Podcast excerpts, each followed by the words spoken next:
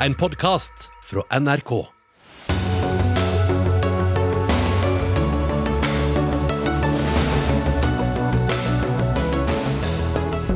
we do that, I guarantee you we will not fail. We have never, ever, ever, ever failed in America. Joe Biden nettopp tatt i ed som ny president i USA. Nå taler han til et splittet folk. Donald Trump kan prege amerikansk politikk lenge ennå, selv etter at han er gått av. Republikanerne står foran store veivalg, og det er nærmest borgerkrig internt i partiet, sier USA-kjenner Ketil Raknes. Og når Stortinget gir kommunene mulighet til å åpne ølkranene, må vi holde igjen andre steder, sier regjeringen. Barnslig reaksjon, sukker SV. Dette er Dagsnytt 18. Jeg heter Sigrid Solund, og nå skal vi til Washington DC, hvor USAs 46. president Joe Biden og hans visepresident Kamala Harris nettopp er tatt i ed. Akkurat nå holder Biden sin første tale som president. Vi skal høre litt hva han sier. America has to be better than this. And I believe America is so much better than this. Just look around. Here we stand in the shadow of the Capitol Dome, as was mentioned earlier, completed amid the Civil War, when the Union itself was literally hanging in the balance. Yet we endured, we prevailed. Here we stand, looking out on the great mall where Dr. King spoke of his dream. Here we stand, where 108 years ago, at another inaugural, thousands of protesters tried to block brave women marching for the right to vote. And today, we mark the swearing in of the first woman in American history elected to national office, Vice President Kamala Harris. Don't tell me things can't change. Here we stand across the Potomac from Arlington Cemetery, where heroes who gave the last full measure of devotion rest in eternal peace.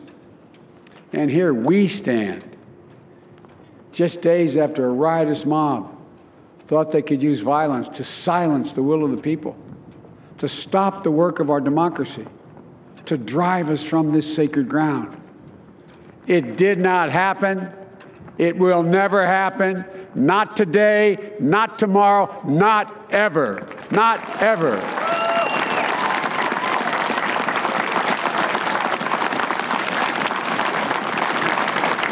To all those who supported our campaign, I'm humbled by the faith you've placed in us. To all those who did not support us, let me say this. Hear me out as we move forward. Take a measure of me and my heart. And if you still disagree, so be it. That's democracy. That's America. The right to dissent peaceably within the guardrails of our republic is perhaps this nation's greatest strength. Yet hear me clearly disagreement must not lead to disunion. And I pledge this to you I will be a president for all Americans, all Americans. And I promise you, I will fight as hard for those who did not support me as for those who did.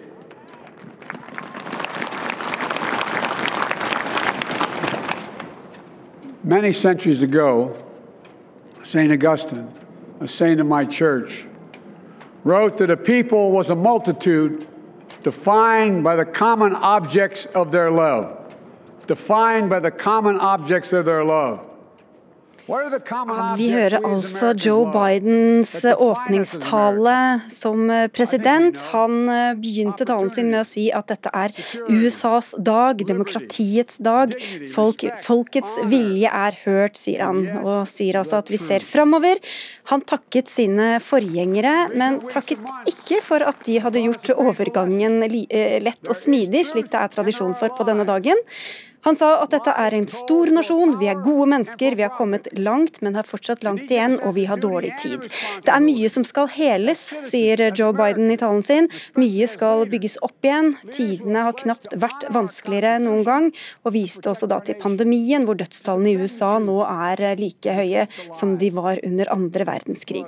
Men han viste også til trusselen fra dem som tror på hvit overmakt, fra ekstremistene, og sier at det er samhold og enhet kapasitet som må til for å løse problemene med sinne, lovløshet, vold, håpløshet og arbeidsledighet. Vi kan vise hverandre respekt, sa han, slutte å skrike til hverandre, og henvendte seg også til alle som var uenige med ham, og sa at han også vil være like god president, lytte like mye til alle som ikke har stemt på ham. Og Biden viste også til Kamala Harris, den første kvinnelige visepresidenten og med minoritetsbakgrunn. Kom ikke her og si at ting ikke kan forandre seg, sa Biden. Skal vi høre litt mer av hva han sier.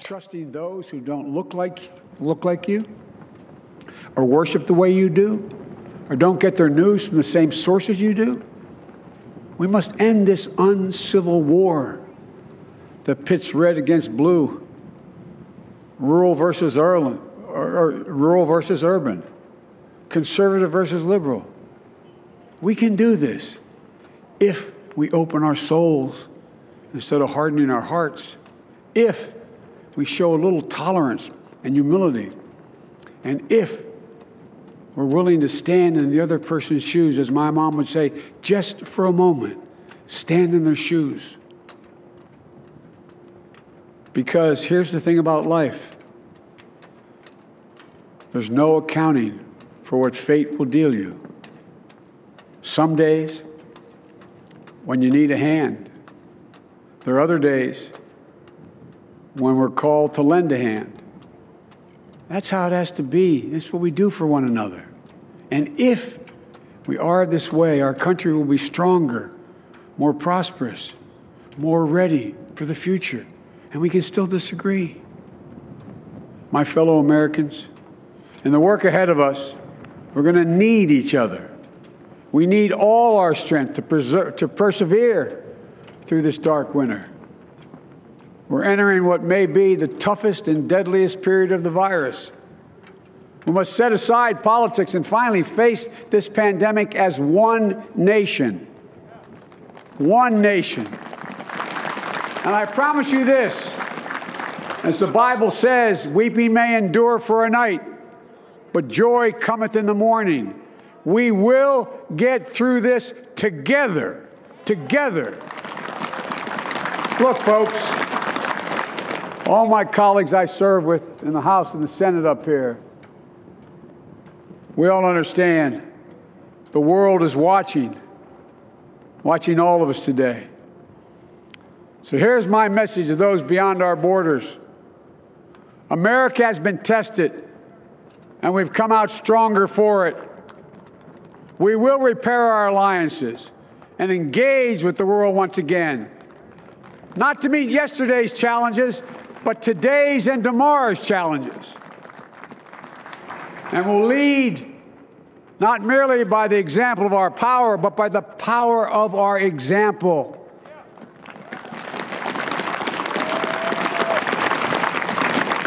We'll be a strong and trusted partner for peace, progress, and security. Look, you all know we've been th- through so much in this nation. And my first act as president, I'd like to ask you to join me in a moment of silent prayer. Remember all those who we lost in this past year to the pandemic, those 400,000 fellow Americans, moms, dads, husbands, wives, sons, daughters, friends, neighbors, and coworkers. We'll honor them by becoming the people and the nation we know we can and should be. So I ask you, let's say a silent prayer for those who've lost their lives and those left behind and for our country. Nå er det stillhet, en stille bønn for alle som har mistet eh, folk var, eller alle som har mistet livet under koronapandemien. Joe Biden holder altså sin innsettelsestale. Toleranse, ydmykhet, vi må sette oss inn i andre sted. Noen ganger trenger vi hjelp, andre ganger må vi hjelpe andre, sa han. Vi kommer til å trenge hverandre selv om vi er uenige for å kunne komme oss gjennom denne pandemien.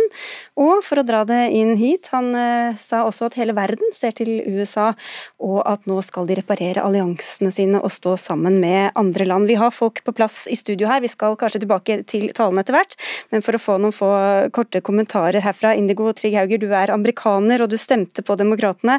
Etter valget for eh, fire år siden, da Donald Trump eh, vant, så skrev du i Aftenposten at valgseieren var det mørkeste i amerikansk og verdenshistorie.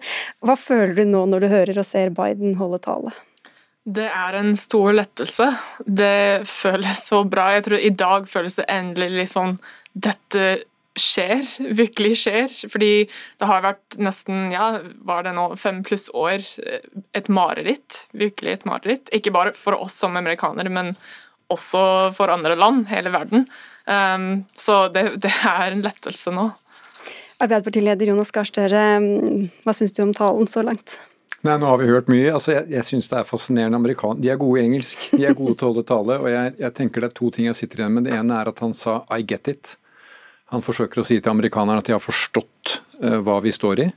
Og Det andre er at han bruker ord og vendinger uh, i ganske bred forstand for å sette en ny felles plattform som bryter med Donald Trump.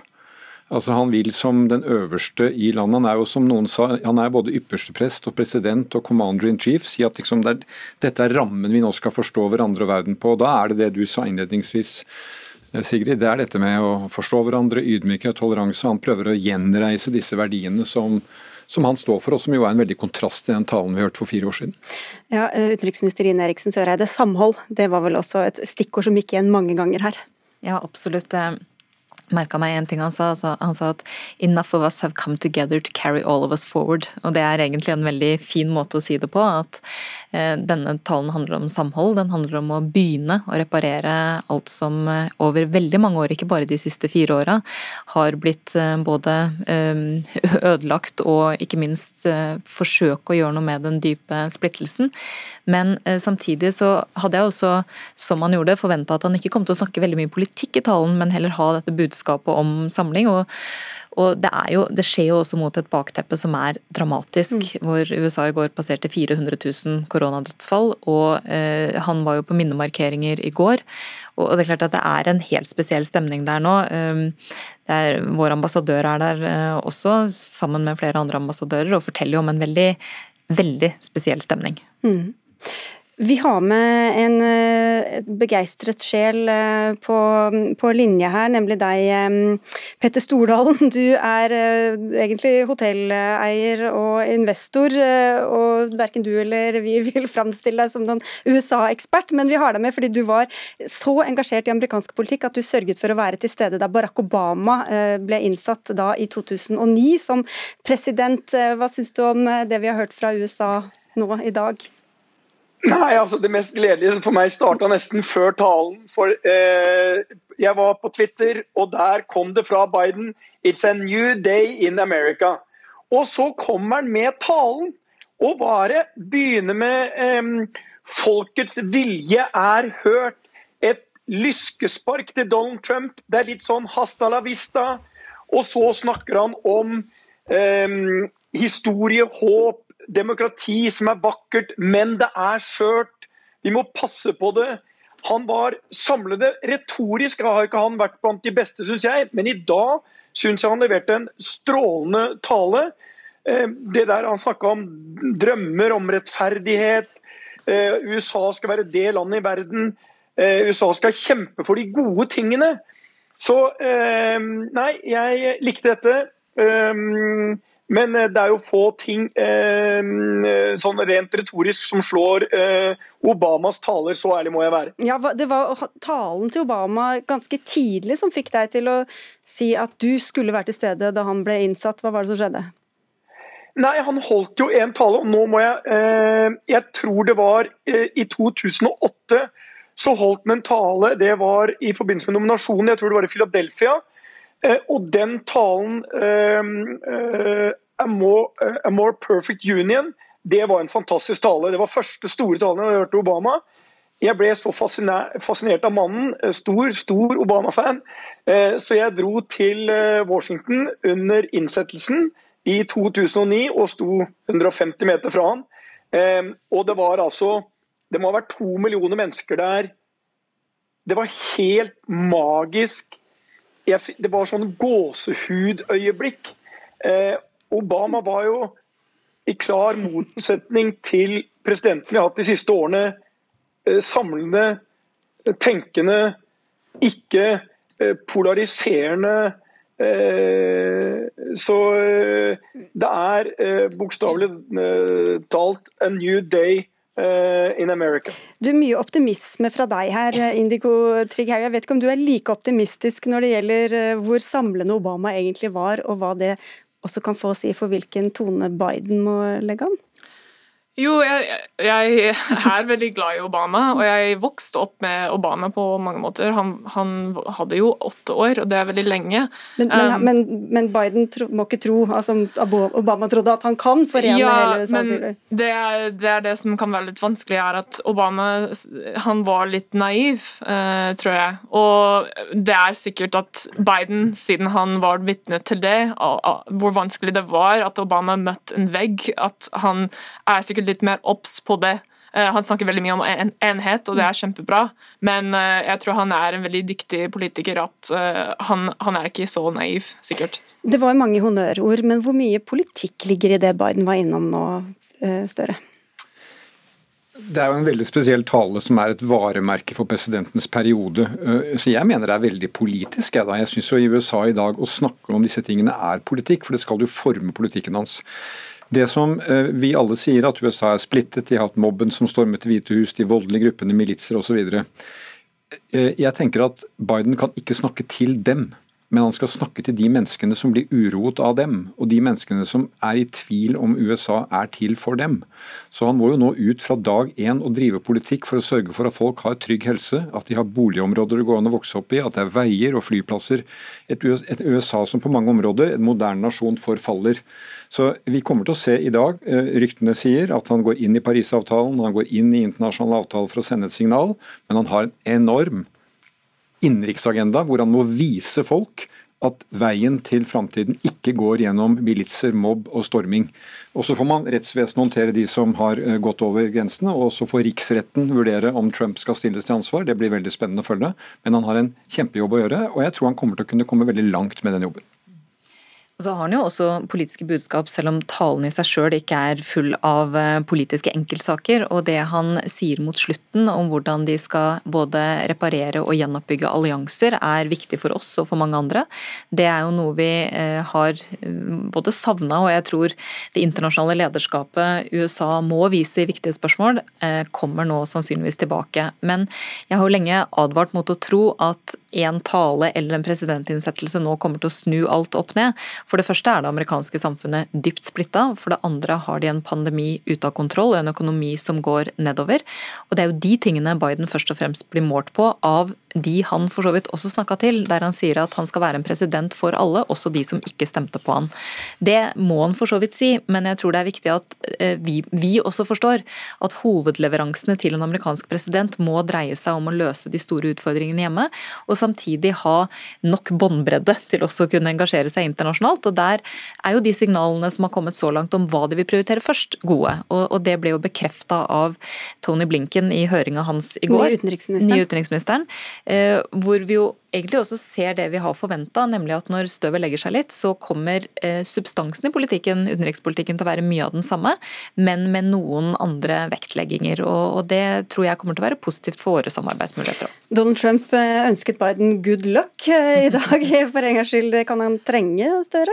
Ja, altså det, akkurat der vil jeg gi, gi, Donald Trump rett, fordi at han møter jo nå en hverdag, Biden fra i morgen av, og den for USA som er engasjert over hele verden, den er uforutsigbar.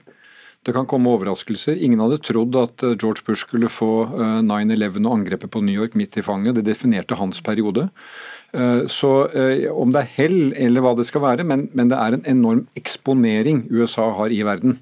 Og Jeg ser også frem til som utenriksministeren at, at vi nå får folk som vi delvis kjenner, og som det går an å snakke med, og som forplikter seg til internasjonalt samarbeid.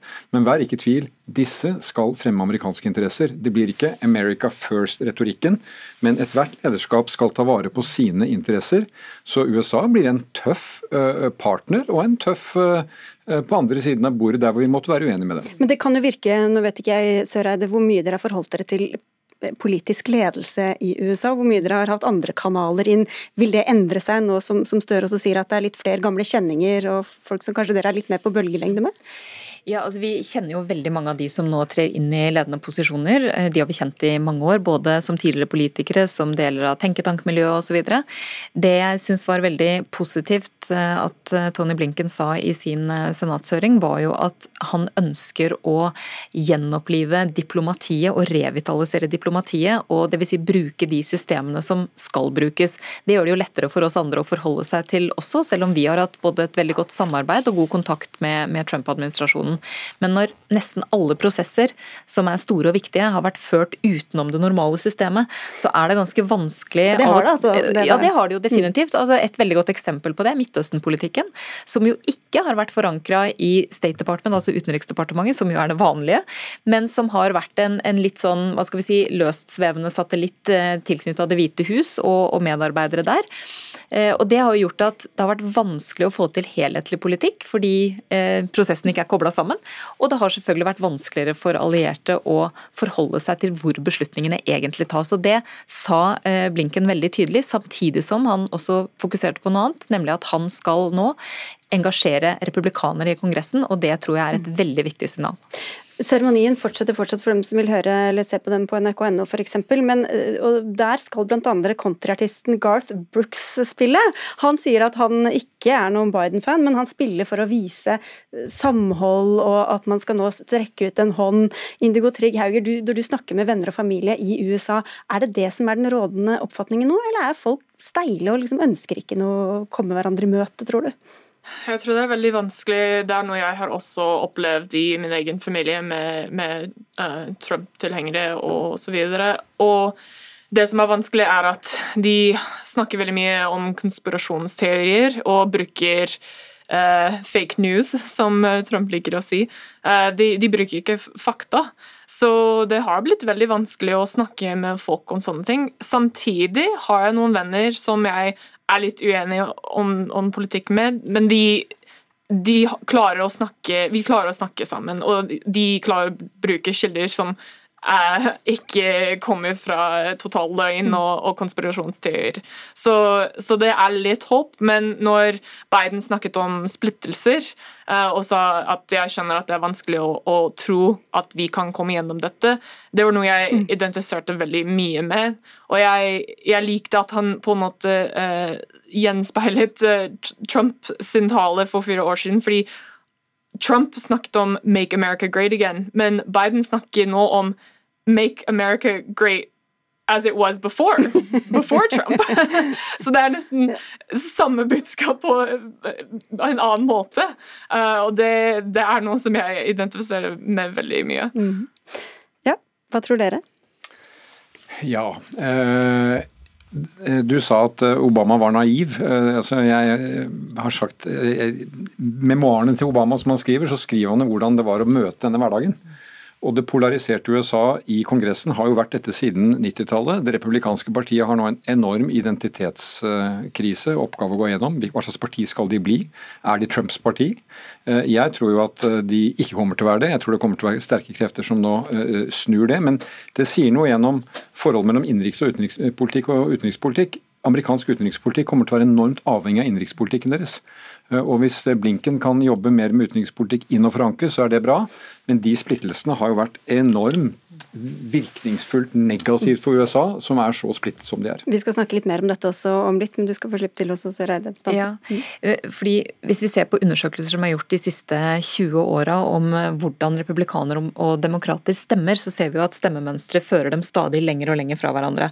Det har jo også å gjøre med valgsystemet, som er et slags sånn winner takes it all-system. og Det fører jo også til at de minoritetene og andre som føler at de ikke blir hørt, eh, og at stemmen de bruker, ikke når fram ved det at eh, deres synspunkter eh, kommer fram, de vil jo føle seg enda mer utafor. Det er jo noe som bidrar til den polariseringa og splittelsen som er. Vi har jo all interesse i at USA lykkes innenrikspolitisk, for det vil gi dem utenrikspolitisk overskudd. Det vil tjene oss på en, på en god måte. Og så tror jeg at noe av det Obama ikke var god til, som, eh, som, jeg tror syntes ganske godt etter hvert, var at han brukte ikke nok tid eh, i Kongressen. Og det er jo noe som Biden har et enormt fortrinn med. Der har han vært en del. Der har han vært i nesten 40 år. Og han, han kjenner alle. Han eh, strekker ut en hånd til republikanerne. Og ikke minst den, den symbolhandlinga han foretok i dag, da han egentlig skulle drikke te i Det hvite hus, som ville vært normalen. Da gikk han på gudstjeneste, tok med seg eh, både Mitch McConnell og McCarthy eh, sammen med Pelosi og Schumer. Og det er en ganske sterk markering, som jeg mener er en klok markering. Noen kommer, noen går. Vi skal straks snakke litt mer om Donald Trump. Petter Stordalen, jeg vet du skal få komme på litt, litt usikker på budskapet ditt er, men du skal også få et spørsmål av meg. fordi i likhet med hva Trump opprinnelig er og var, så er du også forretningsmann. Hva tror du om utsiktene for hans forretninger, som jo kan bli veldig viktige nå i tida framover? Jeg tror nok varemerket til Donald Trump er, eh, har fått seg en ordentlig skrape. Eh, og jeg tror det blir vanskelig eh, fremover. Men han har vist seg før at han har kommet tilbake. Jeg tror ikke forretningene blir hans største problem. Det er nok antall rettssaker som man bør være langt mer bekymret for. Men i dag skal vi glede oss over én ting. Og det er vi får en visepresident som har en mor fra uh, nei, en indisk mor og en far fra Jamaica, og som er kvinne. Og hun er ung. Hun er klok, hun er sterk, retorisk. Altså, jeg har stor, stor tro, tiltro til eh, Harris. Um, og jeg syns vi skal fokusere mer på alle mulighetene som nå ligger, enn uh, de fire årene som har vært veldig destruktive for uh, store, store, deler av det internasjonale samarbeidet. For signalene som uh, Jonas var innom, er at det nå blir et helt annet regime i USA. Mm. Vi får ta med oss eh, optimismen eh, før vi går til elendigheten. Takk skal dere ha alle fire. Ine Eriksen Søreide, utenriksminister, Arbeiderpartileder Jonas Gahr Støre, Indigo Trygg Hauger, amerikansk velger, og hotelleier Petter Stordalen.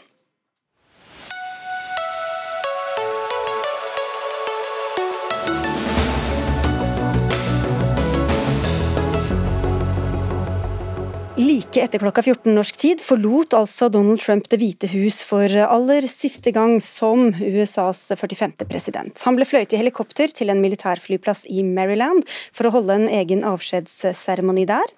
Deretter fløy han og hans nærmeste til, til Florida med Air Force One, for så å ende opp i sitt nye hjem Mar-a-Lago. Anders Magnus, korrespondent i Washington DC. Hva har vært Trumps avskjedsbudskap nå gjennom det siste døgnet? Han har vært mer forsonlig enn han pleier å være. Den siste talen hans på flyplassen Joint Base Air Force, Andrews, så var han nærmest litt lei seg, syns jeg. Han så sånn ut. og han hadde ikke den sterke retoriske kraften som vi har sett han har hatt på sånne folkemøter tidligere. Og eh, Han ønsket jo også den nye regjeringen lykke til, selv om han ikke nevnte Bidens navn. Men jeg har lyst til å ta fram en ting som eh, den republikanske senatoren Lamar Alexander sa under innsettelsen for åtte år siden. Det var eh, Obamas andre innsettelse. Han sto på det samme podiet vi har sett nå, og så sa han at her er det ingen mobb. Her er det intet kupp. Her er det intet opprør. Det er slik vi feirer demokratiet. Det er slik vi feirer overgangen, den fredelige overgangen fra et eh, regime til et annet i USA. Og det er jo så annerledes i år, for det var en mobb, det var et kuppforsøk, og det var et opprør. Og eh, den sittende presidenten eh, han har forsvunnet ut før eh, den nye presidenten ble tatt igjen. Ja, har han egentlig gitt noen forklaring på hvorfor han ikke kom i dag?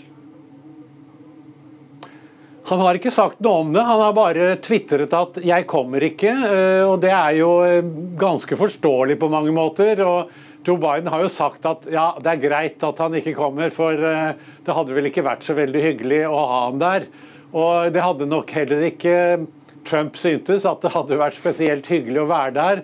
Da hadde vi alle sammen tenkt det her er mannen som oppildnet til dette opprøret som foregikk akkurat over eh, dette stillaset og denne eh, der hvor man skulle da ha eh, presidentinnsettelsen to uker senere.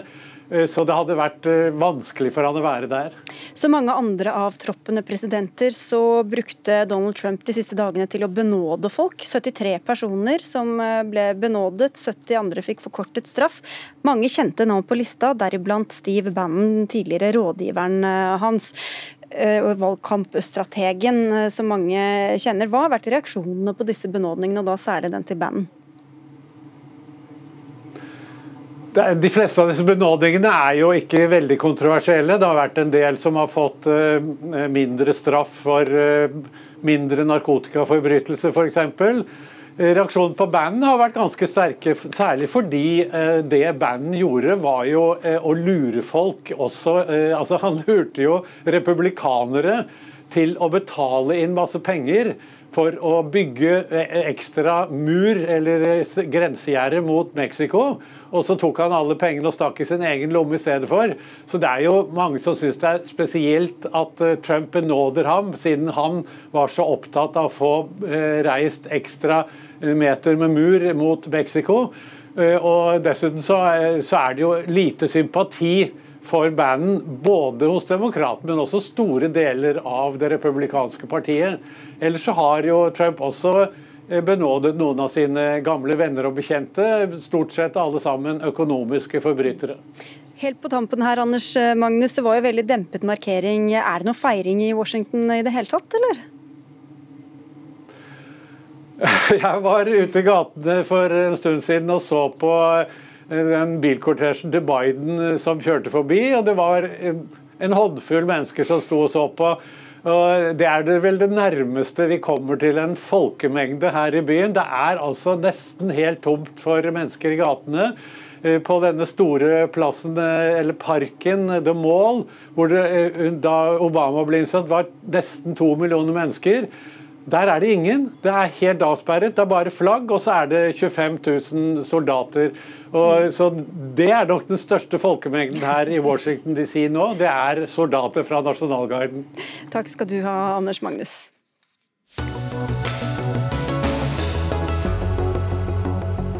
Vi får regne med at litt flere feirer Biden i sine private hjem, men det er jo litt av en oppgave han står overfor, som vi så vidt har vært innom tidligere i sendinga. Ketil Raknes, doktorgradsstipendiat ved Høgskolen Kristiania. Du har også studert amerikansk politikk bl.a. i USA. Hva var det viktigste Biden sa i dag, syns du? Jeg synes Det viktigste han sa var at USA skal bli et normalt demokrati igjen, og så brukte han jo mye mer eh, tid på å skille mellom demokrati og diktatur enn på å skille mellom republikanere og demokrater. og Det var jo også litt naturlig gitt situasjonen. Men så den andre siden av det er jo at som vanlig så er jo disse talene veldig full av fine oppfordringer om hvordan det amerikanske demokratiet skal fungere. Men det alle vet, er jo at strukturene Det er ingenting som ligger til rette for at de tingene Biden sa nå skal skje, at du skal snakke med naboen, vi skal være hyggelige med hverandre. Det finnes ingen grunner til å tro at det blir mindre polarisering, eller at den politiske debatten i USA vil utvikle seg på en helt annen måte. Men det de får, er at de får en statsleder som i det minste er i stand til kanskje å lappe på noe av det verste eh, eh sånn konfliktnivået som har vært i det siste. Han sa jo at han ville stå på like hardt for alle som ikke har stemt på ham, eh, men også blant dem som ikke har stemt på ham, er det jo flere titalls millioner som mener at han egentlig ikke vant valget. Mm. Hvordan skal han da klare å lede dem som president? Nei, Det er jo det alle forskere lurer på. Sant? At uh, Hvordan skal du lede et terapiprogram for 30-40 millioner mennesker som på en måte da har tatt litt farvel med virkeligheten, for å si det sånn.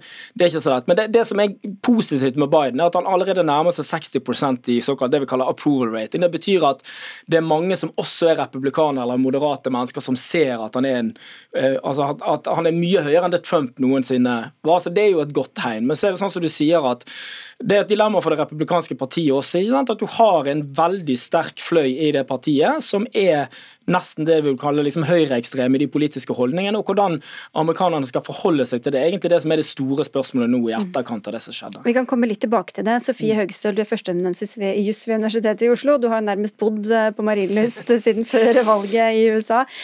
Han kan jo kanskje få litt hjelp Biden av disse enorme summene han uh, har lovet bort til uh, å stimulere økonomien igjen uh, etter og under pandemien. Tror du det kan bidra ja, litt til populariteten? Altså, CNN hadde en meningsmåling ute i går som viser at 80% av befolkningen har tillit til at han skal gjøre noe positivt med økonomien. At det vil skje noe der. Og Det, det viste også at 66% av befolkningen, så to tredjedeler, mener at han har gjort en god jobb i denne overgangsfasen. Men når det er sagt, så jo, handlet jo denne talen i dag om kriser. Om alle de forskjellige krisene som USA står over. Og jeg tenker Det er minst fire relaterte da, kriser som, som han nå tar fatt på. Den første er jo selvfølgelig koronakrisen.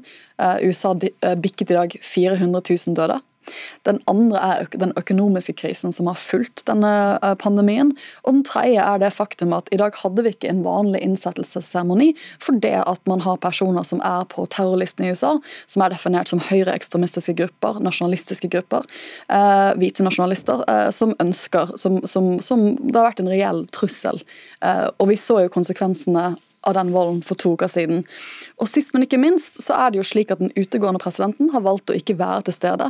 Og Vi har jo snakket mye om brudd på demokratiske normer. det er Den, den fjerde sånn, jeg vil si sånn egenartede krisen er det. Det at uh, Trump valgte å ikke være til stede i dag. Uh, og det at, um, som Kjetil var inne på, man har en, en, en, utgående president som har skapt en konspirasjonsteori som 30 opptil 30 av amerikanere tror på at valget egentlig ikke ble vunnet av Biden. Lars Fredrik Riddervold Nordin, du var analytiker i det amerikanske senatets utenrikskomité. Joe Biden var sjefen din, sånn som du kjente ham da og har fulgt ham siden. Hva om noe er det ved ham som gjør at han kanskje kan klare å møte alle de store utfordringene som skisseres her? Nei, jeg har jo snakket en del om dette i det siste, at han er først og fremst en brobygger. Han var kjent for det i eh, Senatet i mange år, har vært der selvfølgelig mange år. Eh, og eh, han, han jobber veldig mye i kulissene med å få frem gode løsninger. Eh, og han, han, han er en person eh, som eh, fremstår som han bryr seg. Og jeg tror at det er mange som Ketil var inne på, vil si at mye av det han sa i dag var ja, sånn typisk presidentsnakk.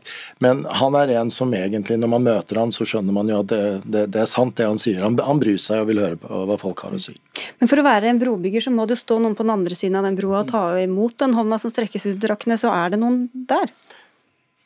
Altså, jeg tror det, det som Lars sier, er nok veldig altså Jeg tror ikke alle i Norge har skjønt at Joe Biden er sannsynligvis den mest erfarne presidenten USA noensinne har hatt. For å si det veldig enkelt. Altså, han har en helt enorm erfaring i amerikansk politikk. Ledet de fleste viktige komiteer i, i, i Senatet. Han har vært visepresident i åtte år. Han har et enormt internasjonalt nettverk. Så vi tar liksom en av de tingene først. Sånn Internasjonalt kommer dette til å gå kjempebra. For at Biden kommer til å roe ned liksom, de allierte, og han kommer til å gjøre mye fornuftig veldig tidlig der. Så er det andre spørsmålet som du stiller. Fins det noen å snakke med? Ja, kanskje. F.eks. Mitch McConnell er god venn. og Der kommer liksom det at eh, Biden har bygget relasjoner. Han har faktisk en god del republikanske senatorer som han betrakter som venner. Som det kan være mulig å snakke med nå når Trump er vekke. Men så er det det andre problemet er jo at har republikanerne noe å tjene på å samarbeide med Biden? Og Det er så mange frykter litt, Dette blir samme scenario som med Obama. At de kommer til at han er en hyggelig fyr, men vi ser oss kanskje ikke helt tjent med å gi han mange politiske seire nå. Nei, og også Hvis han skulle få til et samarbeid, Sofie Høgestøl, så vil vel det kanskje også bevise de mange teoriene som eh, er der ute om at eh, det finnes en, en maktelite i Washington mm. som bare holder på med sitt, og som ikke bryr seg om folk. Ja, for det er nok mange som tenker at han er definisjonen av den politiske eliten. Han har vært toppolitiker siden han var noen og 30. Eh, og det blir nok et bilde som, som kommer til å bli tegnet av han eh, i de neste ukene. Samtidig så er jeg jo jeg er helt enig med Ketil her at eh, det som jeg har tenkt mye på de siste dagene, er hvor vi var for da, da Mitch McConnell ble leder for Senatet under Obama. Og Da var det jo slik at uh, han ikke ville samarbeide med Obama. Det var en av hans, Målene hans var at Obama ikke skulle bli gjenvalgt. Obama ble gjenvalgt, men han greide å blokkere mye av agendaen til Obama. Samtidig så er det jo ikke til å stikke under stol at han har også mistet sitt parti i løpet av den perioden. Så han, han, vant en liten politisk seier med at han blokkerte mye for Obama, men i den perioden har han mistet sitt eget parti. Denne, dette republikanske partiet vi har sett siste uken, er ikke partiet hans. Hvordan vil han tenke da at nå burde jeg kanskje tjent på en litt annen eh, fremgangsmåte enn det jeg hadde under Obama, for nå må vi prøve å redde stumpene av partiet vårt. For det var jo mange som fortsatt tror på at det var omfattende valgjuks eh, og andre konspirasjonsteorier, eh, Raknes. Både på innsiden av partiet og establishmentet og utenfor. Hvor mange av dem tror på det faktisk, tror du? Og hvor mange ser det som opportunt å nøre opp under det? Eh, mange av velgerne tror åpenbart eh, på det. Det så du når, hvis vi ser på TV-klippene, når man spør disse menneskene hvorfor de er der for å redde amerikansk demokrati. Altså de som stormet Kongressen. Der er det helt reell, den forestillingen om at valget er, valget er stjålet. Men så har du en annen type mennesker som bare er opptatt av makt. F.eks. da Josh Hawley eller Ted Cruz, som var de som ledet an i Senatet. De er smarte folk med, som har eh, liksom mastergrad i juss fra, fra, Yale og Harvard og sånn. De tror ikke på dette sjøl, men de tror at de kan bruke Og det er jo det interessante med det republikanske partiet, er jo egentlig hvor kynisk de på toppen skal være. I hvilken grad skal de nå utnytte at denne basen fins? Der tror jeg folk f.eks. som McConnell er begynte å tenke at nå har vi kanskje gått for langt. Vi har lekt med ting, og så mistet vi kontrollen over det. Og det, jeg tror, tror, det er vanskelig for oss å si her i Norge, men mitt inntrykk er nok at det angrepet har gjort et mye dypere inntrykk på republikanere også, i, i og med at folk ble satt i livsfare. at det at det faktisk kan forandre en del av dynamikken i Kongressen og Senatet. Det er vanskelig for oss å si, men i hvert fall inntrykket fra utsiden var at det var faktisk litt sånn på grensen til traumatiserende. og Det vil gjøre det mulig for Biden å kanskje få noe handlingsrom f.eks. på reformer som handler om å få amerikansk demokrati til å fungere bedre. Mm, Trump er jo blitt eh, diagnostisert og vurdert eh, fra alle verdens hjørner, Nordin. Hva er det ved, ved Bidens personlige egenskaper tror du, som eventuelt kan også appellere til dem som egentlig har mista troen på på demokratiet?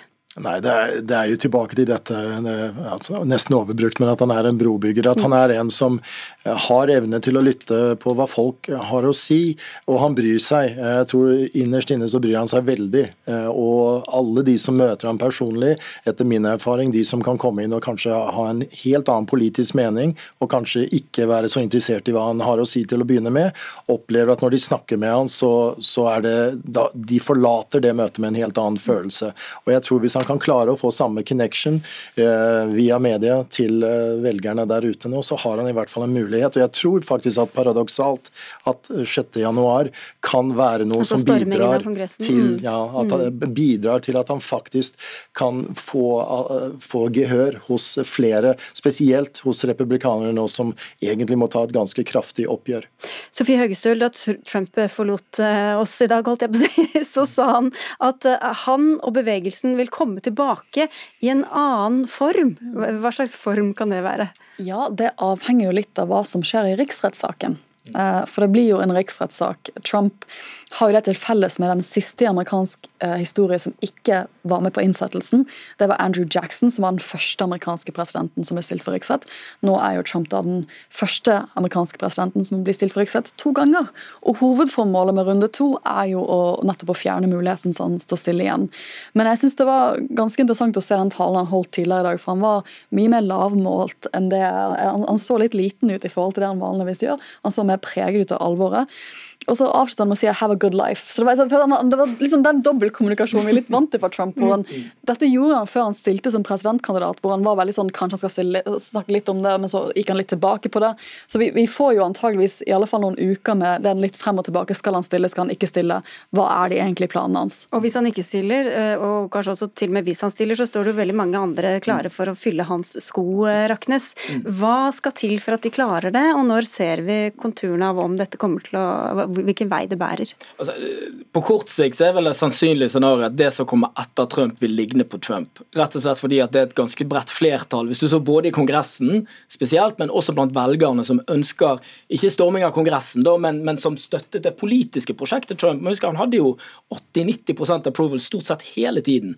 Uh, og Det er grunnen til at f.eks. en del senatorer gikk så langt at de fulgte Trump inn i liksom det mørket det var, nemlig å, sette spørsmålstegn ved om virkeligheten var virkelighet. Det var jo for å posisjonere seg som Trumps, uh, som Trumps avtaker. Men så er det sånn en del usikkerhetsmomenter her, som handler om for det første uh, Vil f.eks. amerikansk storkapital akseptere at republikanerne er et så radikalt parti. For de trenger finansiering, disse menneskene. Også den etterforskningen for FBI tror jeg kommer til å bli veldig avgjørende. fordi at eh, de er et lov og rett-parti, og hvis det er mange mennesker som liksom begynner å tukle med sånn at de blir tiltalt for terror og sånn, så er jo ikke det, så er ikke det heller bra. Så det finnes jo krefter. Nå ser jeg at den delen av det republikanske partiet som har støttet den stormingen, møter nå mye sterkere motstand fra det amerikanske samfunnet.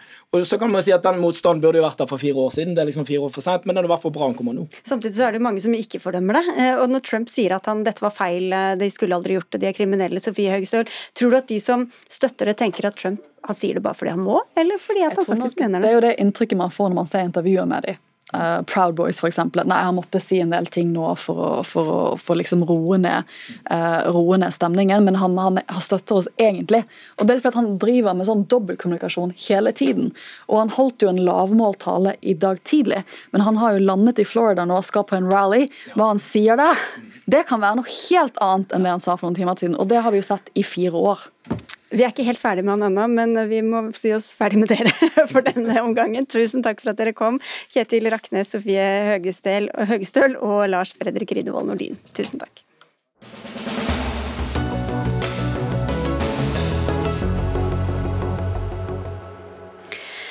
Bent Høie oppfører seg barnslig, sier SV etter at regjeringen opphevet det nasjonale skjenkeforbudet. Stortinget vedtok i går at kommuner med lave smittetall skal kunne ha alkoholservering sammen med matservering. Regjeringa svarte med å la alle kommuner få åpne kranene selv, hvis de vil. Dere gjør nettopp det. Rita Ottevik fra Arbeiderpartiet, du er ordfører i Trondheim. Hvorfor tar dere denne sjansen nå når den byr seg? Vi hadde en eh, økende smitte fram mot julehelga. Eh, andre juledag innførte vi skjenkestopp fra klokka 22. Eh, og vi har skjenke, både veiledere og kontrollsystemer som følger opp skjenkestedene. Det velger vi å videreføre nå, fordi vi har fått ned smittetallene betydelig. Men vi ønsker å se en langvarig lav situasjon før vi slipper opp utover klokka 22.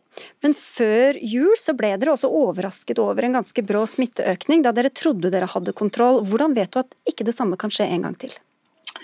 Det er jo fordi vi er usikre fortsatt på om vi klarer å holde så lave tall som vi har nå, eh, at vi ikke åpner opp for skjenking etter klokka 22. Eh, vi tror nok at eh, Eh, inntaket, altså sene nattetimer med mye alkohol, ikke er noe bra. Eh, men vi ser jo i dag nå at Britannia hotell f.eks. Eh, varsler 150 av sine permitterte ansatte at de kan komme tilbake, de kan åpne hotellet nå når vi åpner for skjenking fram til klokka 22. Byrådsleder i Oslo for Arbeiderpartiet, Raymond Johansen. Dere har løsnet litt i dag på en pressekonferanse for barn og unges fritidsaktiviteter, men når det gjelder skjenking, øl og vin og sprit på barer og restauranter, da er det fortsatt full stopp. Hvorfor det? Altså, det er også full, eh, Vi har også hjemmekontor. Eh, vi har også anbefaling om å ikke kjøre kollektivtrafikk. Vi har fortsatt sosial nedstenging fordi smittetallene er så, fortsatt så høye at vi eh, ikke vil oppfordre folk faktisk til å møtes i stor grad. Men det er andre byer, det, det er Oslo er en av veldig få byer som fortsatt har det like strengt på akkurat dette som, som vi snakker om nå. Hvorfor er akkurat det med skjenking så viktig? Altså Det er totaliteten her. Også totaliteten er at vi ønsker minst mulig sosial mobilitet. Eh, fordi smittesituasjonen er uoversiktlig, han er uklar. La meg bare ta et eksempel. Vi hadde en viss diskusjon i høstferien eh, hvor eh, også helseministeren ønsket at jeg skulle innføre veldig strenge tiltak. Da var ukesnittet på 311 smitte. Første uka i januar var den på over 1100. Så vi har på en måte vent oss til at det nå er veldig høye smittetall. Jeg er redd for det muterte viruset. Jeg ser eksemplene fra, fra, Irland hvor det er fullstendig ute av kontroll. Så vi skal greie å åpne forsiktig. Men da må vi se vedvarende at smittetallene går mer ned. Hvorfor er ikke dere like bekymra, Ottevik? Nå har vi hatt eh, smittetall som har vært gjensifra de siste dagene, og vi har hatt en jevn nedgang over lengre tid. Derfor er vi etter tallene nå på smittenivå 2, ifølge Folkehelseinstituttet. Allikevel velger vi å ha strenge tiltak som vi innførte andre juledag, videreføre det. Eh, og vi mener det at eh, det er strengt å ha stengt klokka 22, sammen med de andre tiltakene som vi også følger opp overfor serveringsbransjen. Men eh, hotellene eh, de åpner, og det tror jeg er fornuftig for å få folk i jobb. Denne åpningen av kranene i store deler av landet skjer altså etter et vedtak i Stortinget som dere var med på, Torgeir Knag Fylkesnes, du sitter på Stortinget for SV. Og I etterkant så har du beskyldt helseministeren for å gjøre noen glass øl om til et politisk spill, og kaller ham for barnslig. Hva er det som er så barnslig her? Nei, Det var en spontan reaksjon jeg hadde etter at uh, helseministeren gjorde det han gjorde. altså Stortinget vedtok at uh, man burde kunne åpne i kommuner der smittetrykket er veldig lavt. Uh, men der han svarte med å åpne det hele landet. Og, da, og med en kommentar som i stor grad ansvarliggjorde opposisjonen og Stortinget for den beslutninga som han åpent hadde gjort. Ja, men det var jo dere, det var dere som fikk det som dere ville, var det ikke det? da? Nei, Vi ba om, eh, og det står jo helt tydelig, det er ikke til å misforstå i vedtaket, at i de kommuner der det er lavt smittetrykk, der skal, eh, der skal det kunne åpnes for eh, skjenking. Og Det er jo et tydelig signal til regjeringa om at det må være en sammenheng mellom smittetrykk og smitteverntiltak. Jeg har en liste her med over 100 kommuner der det er omtrent ingen smitte. Og Oppslutninga om disse forebyggende tiltakene her er jo helt avgjørende i denne pandemien. Og Vi frykter at når det er ingen sammenheng mellom smittetrykk og veldig omfattende og inngripende eh, smitteverntiltak som rammer barn og unge, eh, kunst, kultur, eh, idrett osv., ja. ja, da, da kan vi stå i fare for å miste noe av det viktigste som vi har i denne pandemien, her, og den tilliten til til vurderinger okay, det, kan, det er litt vanskelig å skjønne alt det her, helse- og omsorgsminister Bent Høie. Dere, altså, Stortinget ba om at unntaket skulle være de som kunne få åpne, og så gjorde dere det motsatte. Hvorfor det? Eh, det er jo fordi at det er sånn eh, hele systemet vårt er bygd opp. De, de, strenge, de Kommunene kan velge å være strengere enn de nasjonale tiltakene, men de kan ikke være mildere enn det. og Hvis vi nå skulle plutselig snudd det på hodet om, Står det i loven, eller hvorfor ja, det sånn? Er jo sånn loven er bygd opp. Både alkoholloven og covid-19-forskriften er bygd opp. Det, det er jo den tenkningen kommunene er, er vant til nå å håndtere det på. Det hadde jo egentlig ikke gjort noen forskjell om vi hadde snudd det på hodet, så var det jo uansett poenget var at det er kommunene som skulle gjøre den type avveininger etter det Stortinget vet, har vedtatt. Og Det betyr at det, jeg mener både Raymond og Rita gjør kloke avveininger eh, på dette området. Eh, det er jeg ikke i tvil om. og Det betyr at det noen kan komme til ulike konklusjoner. og Det forstår jeg veldig godt, fordi smittesituasjonen er ulik i Trondheim og Oslo. Men min bekymring med det som skjedde i går, var at sum, altså alle de avveiningene innebærer en viss risiko. Og summen nå, altså sumrisikoen med å oppheve den nasjonale skjenketoppen nå, etter min vurdering er for høy. Men i begge tilfeller så ville det vært opp til kommunene. Sto, stoler dere ikke på kommunene liksom når det er innført på den måten, men på, på kommunene når det er innført på den måten? Jeg synes Den debatten med SV om det skulle være den ene eller den andre veien, er ikke så veldig spennende, for resultatet hadde blitt det samme uansett. Men, men det som er avgjørende, er jo om vi nå skulle ha et nasjonalt skjenketopp eller ikke. Og Der er det min vurdering at det å oppheve det nå innebærer en i sum for høy risiko. Men det handler ikke om at jeg ikke tror at verken Raymond eller Rite gjør kloke avgjørelser. Men summen av alle de avgjørelsene vil kunne innebære en for høy risiko for smittespredning. Ja, altså, sånn som situasjonen ja, altså, Hvorfor henge seg opp i akkurat hvordan det der skjedde da, Fylkesnes? For det, at det har jo fått en kjempestor effekt på utfallet. Jeg så et intervju tidligere i dag der sa ja, Men Stoler ikke du på at de lokale myndighetene velger riktig vei, da? Ja, Det er jo det som ligger bak dette. her. Det er jo en reell bekymring for at det er ingen sammenheng mellom smittetrykk og smitteverntiltak. Ta f.eks. Gamvik, som ikke har hatt noe smitte på lang lang tid. Hvorfor skal barna der lide under veldig inngripende ja, smitteverntiltak? Hvis, hvis du tenker på akkurat dette med skjenking, altså Stoler ikke du på at, at de lokale myndighetene klarer å ta den helhetsvurderingen og si at vi velger dette tiltaket, vi velger dette tiltaket?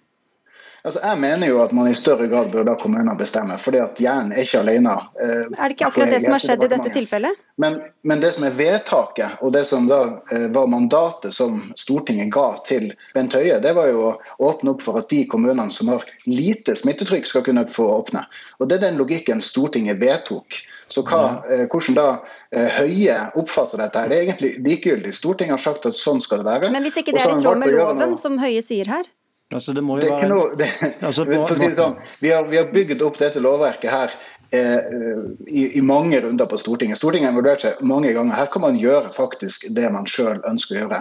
Det er ikke sånn at noen har sagt til Bent Høie at siden loven er sånn, så må man åpne opp hele landet, som han gjorde. Og så skylde på Stortinget, ansvarliggjøre Stortinget for å, å øke risikoen. Det er, det er derfor jeg, min spontane reaksjon at dette er litt barnslig.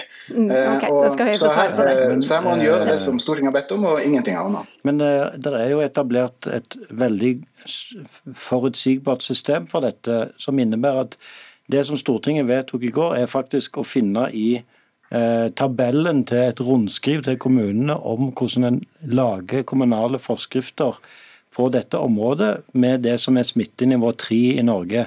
Og Det er egentlig sånn en jobber her. Det må jo være en viss forutsigbarhet òg for kommunene. Derfor har vi sagt at kommunene får nå to døgn på seg til å gjøre lokale vedtak. Men om det hadde vært vedtak i den ene eller den andre retningen, det hadde jo ikke endra på situasjonen. Så dette er en avsporing Men for, av debatten. For høre med deg, Raymond Hansen, Hadde det spilt noen rolle for dere i Oslo om det hadde vært det ene eller det andre vedtaket som gikk gjennom? Nei. Nei. Så det, det er helt likegyldig for deg om det fordi vi, vi, har eh, Gjennom hele pandemien så har vi med hensyn til smittevernloven så har vi et betydelig ansvar.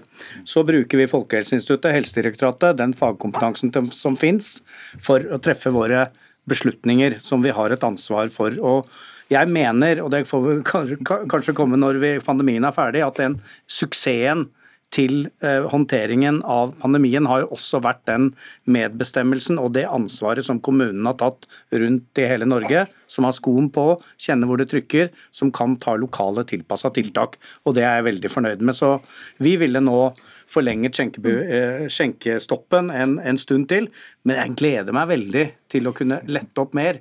Men jeg frykter, hvis vi letter opp så mye, at vi må stenge helt ned igjen. Og Det er den balansen vi hele tida sitter i, som vi må ha diskutere med nasjonale myndigheter som har den kompetansen. For Fylkesnett, Hvorfor er det regjeringa du peker på, og ikke de lokale myndighetene som åpner fordi de kan? Eh, først og fremst fordi at Stortinget vedtok at regjeringa kun skulle tillate åpning i kommuner som har lavt smittetrykk. Men jeg mener jo at eh, vi bør overlate i større grad til kommunene å gjøre lokale tilpasninger. Ja, det var bare det jeg ikke skjønte helt. At... du sier to ting på en gang. For du sier at du vil ha mer lokale tilpasninger, og så når kommunene får de lokale tilpasningene, så sier du at det ikke burde være sånn? Ja, fordi at, eh, altså, hvis, for, for å begynne der da, altså, hvis man skal gjøre en helhetsvurdering, så er ikke det akkurat skjenking vi ville begynt med å åpne opp hele landet for. Altså, vi, vi måtte nok begynt med barn og unge. Så det handlingsrommet Hvorfor som kommunene har Hvorfor var det ikke det dere sa, da? Eller, er... Det var flere forslag som lå på bordet, men dette var da Frp sitt forslag, som de var veldig ivrig på, eh, og som vi også støtter. Men jeg synes det hele, hele, den, ja, men hele den situasjonen her eh, illustrerer jo at dette var en reell bekymring fra Stortinget om at man må ta mer eh, sammenheng mellom smittetiltak og, og smittetrykk. Og Da syns vi at uh, Bent Høie gjør et helt unødvendig politisk spill ut av dette. her. Han har, står i fullt, fullt mulig å, å, gjøre dette på en annen måte, mye mer skånsom måte, samtidig som vi ivaretar ja, det, det, hører med til historien her, Bent Høie, at uh, dere hadde sagt at det kunne komme lettelser neste uke, og så etter at dere da gjorde litt om på dette og sa at da blir det full skjenkeåpning for alle som vil, så kan de bare glemme de lettelsene. Det var kanskje det noen mente virket litt sånn furtent da? Nei, det var ikke furtent. Noen, jeg bare viser til en ubestemt Det eh, går ikke an å være furtig i dag når USA har fått ny president, så i dag må alle smile. Men, men, det som er poenget er at hvis Fylkesnes burde kanskje gjort det som jeg gjorde, nemlig ringe til den som hadde foreslått dette og spørre hva de mente. Eh, for Jeg spurte jo Siv Jensen på hva hadde de ment med dette, og det er det jeg har fulgt opp på. Det er jo litt rart at SV stemmer for et forslag uten å snakke med den som har foreslått det, hva de faktisk mener med forslaget. Og så er egentlig Det synes jeg ikke er en veldig interessant diskusjon. Det som var mitt poeng når jeg sa det jeg sa om at dette har konsekvenser for andre tiltak, er jo at Nasjonalt så må vi nå ha strengere tiltak for å beholde kontrollen. Når Stortinget prioriterer å oppheve skjenkestoppet nasjonalt, så må vi vurdere helheten fortsatt. Det er fortsatt mitt ansvar. Og Det betyr at da kan det være noen andre tiltak som vi ikke kan lette på. Det er bare en konsekvens, og det er ikke noe sutring eller noe sånt. Det er bare å fortelle hvordan tingene er. Rita Ottervik, eh, hvilken grense legger dere dere på for når dere eventuelt stenger ned, den, altså lukker mer? Eh, vi ser veldig lave tall nå eh, og skal følge det tett og vurdere igjen hver uke eh, om vi skal gjøre endringer. Men går trenden som vi nå har gjort i noen uker, så tror jeg vi må gå tilbake på det. Men må vi det, så gjør vi det. For oss så er det viktigst at eh, barn og unge får eh, drive med idrett og får gå på skole. Ja, Da skal jeg til slutt til deg, Raymond Hansen. for nå kan det hende at smittetallene går ned etter hvert. og Hva er da det første dere vil eh, løsne på? Er det skjenkinga, eller er det, det idretten? Nå tok vi litt på barn, så vi går videre til unge neste uke, hvis det er mulig. Og da er det jo eventuelt å ha gult nivå på ungdomsskolen og åpne opp enda mer for idrett for noen eldre og for fritidsklubber.